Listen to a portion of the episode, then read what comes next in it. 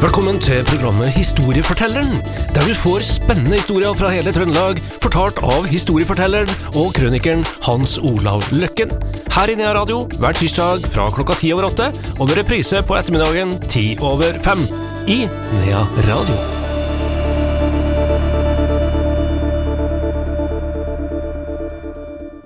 Velkommen tilbake til Nea Radio og til et nytt uh, historieprogram.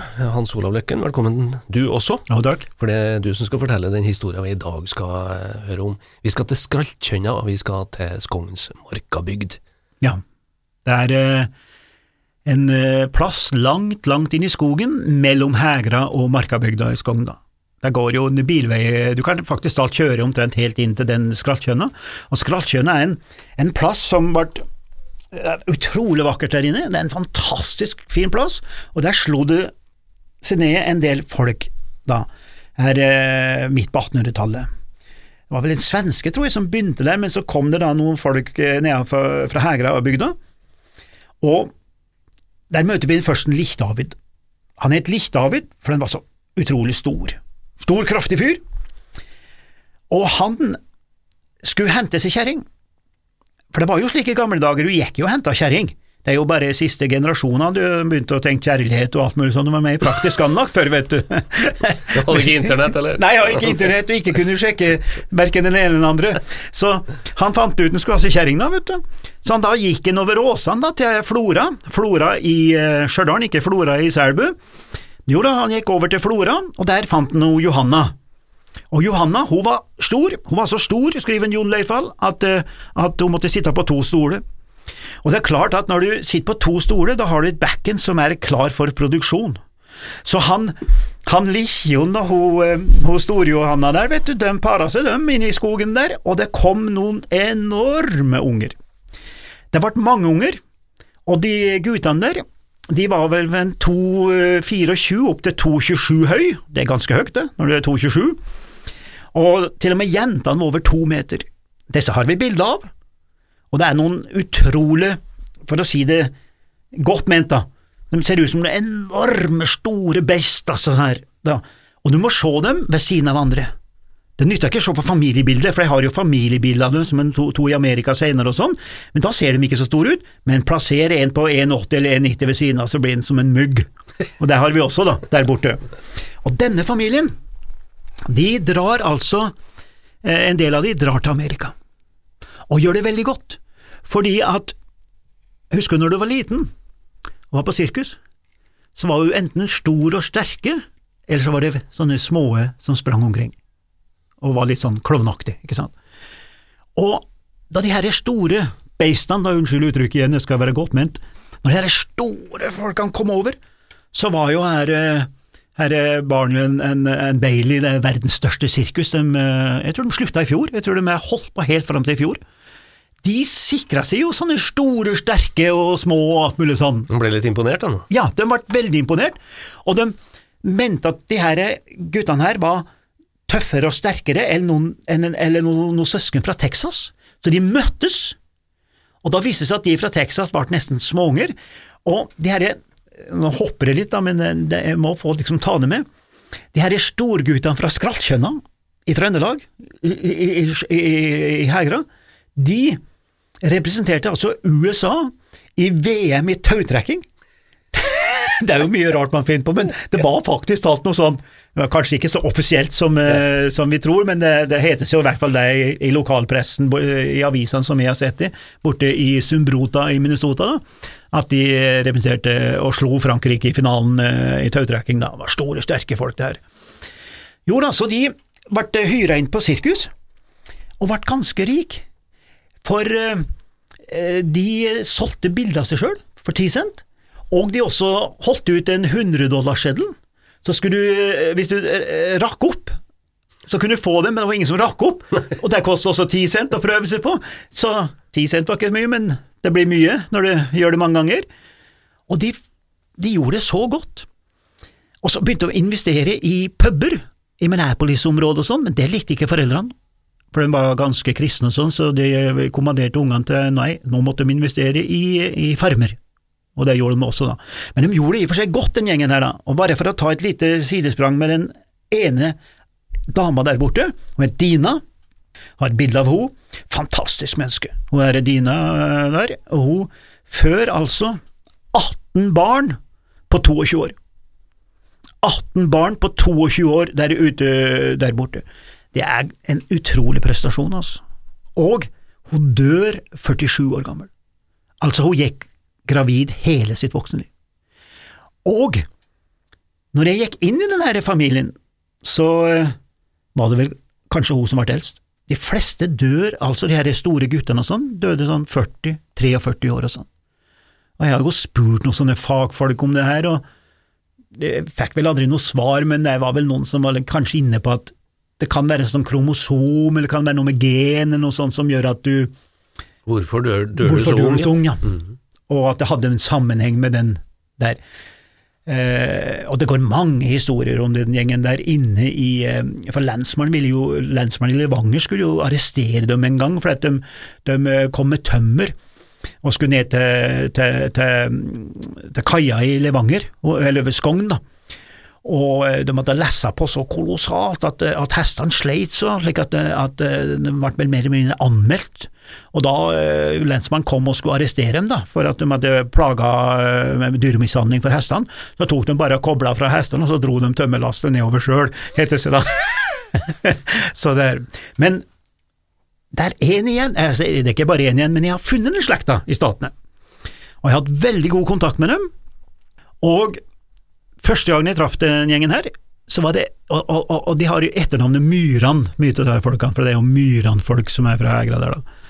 Og den første jeg traff, han var en bitte liten tass, nådde meg så vidt til kneet. Og da, når, jeg hilsa på han, så sa han, du tror vel ikke at jeg er en myran, sa han sin på engelsk, men nei, du er ikke en myran. For alle skal da være to meter pluss, Ja. og han var kanskje 1,60 minus, eller noe sånt da. Men så møter jeg en annen av de. Han er da tredje generasjon. Sigrid er fra Skrattkjønna, og han het Philip Goplen. Goplen er et gårdsnavn på Toten, for farssida kommer fra Toten, og morssida kommer da fra Hegra. Og han Philip Goplen som jeg har møtt mange, mange, mange ganger i, i, i, eh, Minnesota, han er nå ja, født i 21, så han eh, begynner å, å bli gammel. Og eh, sist jeg besøkte nå i september, så har han vel mer eller mindre gitt opp livet. da. Han mista kjerringa i fjor, og han eh, vil ikke ta til seg behandling lenger.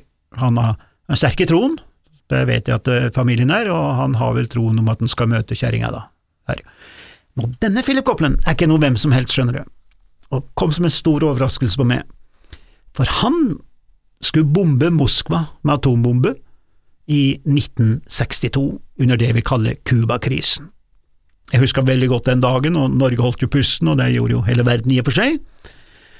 Og det er litt interessant med det han her i Philip Copland der. Han hadde tolv oppdrag over Berlin i annen verdenskrig. Han hadde to oppdrag, eller det vi kaller mission, over eh, Normandie på D-dagen. Eh, han hadde over 30 mission, eller oppdrag på kontinenter generelt i annen verdenskrig. Han har alle medaljer som går an å få. Purple Heart og hele utmerkelses, eh, brystkassa er full av medaljer. Prater ikke så veldig mye om eh, alt det her, men han kommer stadig vekk tilbake til det her med at han skulle bomme Moskva, tre stykker, som sitter i en Strato-cruiser, en sånn stort eh, bommefly, som ikke fikk lov til å lande i Norge, men han, eh, de, de drev jo og tok av fra engelske baser. Det var jo i og for seg samme basepolitikk-krangel den gangen som det er i dag. Så han fløy fra baser i England og langs norskekysten. Han har aldri vært i Norge, men han visste at han kom fra Hegra, og han visste at om hell alle, alle amerikanere har hørt om hell. Har jeg vært eh, ordfører på Stjørdal, skulle eh, gjort noe med hell, slik at jeg kunne, så har kommunen vært eh, gjeldfri i morgen. Altså, han bare utnytta det, fått noen sånne profesjonelle PR-folk, så har de jo bygd opp hell til noe kjempestort. Men han visste at dette med hell, så når han fløy forbi, hadde med seg nytt crew, altså ny, nytt mannskap om bord, så var en tre-fire stykker om bord, ikke sant, så bare pekte ned til høyre utenfor Ørlandet. I'm from down there, hell, sa han. og hvert crew, da. Og han skal altså bomme Moskva med atombomben, Og jeg mener at det er ikke hver dag at en uh, tredjegenerasjon, eller, eller kall det stjørdalning, skal bomme Moskva med atombombe. Jeg mener at det er eh, en ganske interessant historie, både politisk og på mange måter. Så jeg har jo gått innpå den, og hører hva som virkelig skjedde. Og da skal jeg ta en veldig kort versjon på det der, for de går om bord i flymaskinen. Familien bodde utenfor basene, vet sånne store amerikanske baser, det er jo enorme baser for flere tusen mann, og for familien bor i nesten like hus rundt hele gjerdet, ikke sant. Alle de var jo kjørt vekk, med busser, mange mil unna. Det her er da i Tulsa, som er en eh, base i Oklahoma, på grensen til Texas. Familien var kjørt vekk. De skal ta av da med tre fly, og de går om bord, og han her er Philip Copeland som, er, som skulle trykke på knappen. Han hadde, det var så to flyvere, og så er det han, Philip Copeland, som skulle trykke på knappen og bombardere, som hadde ansvaret for navigasjon og alt det der. Så mister han to andre flyveren, mister veska si, de går bortover mot flyet. Så tar han opp veska si, og så idet han liksom snur seg og ser på han Philip Copeland, så sier han der andre fyren at du, sjansen for at vi skal overleve, den er jo mye større.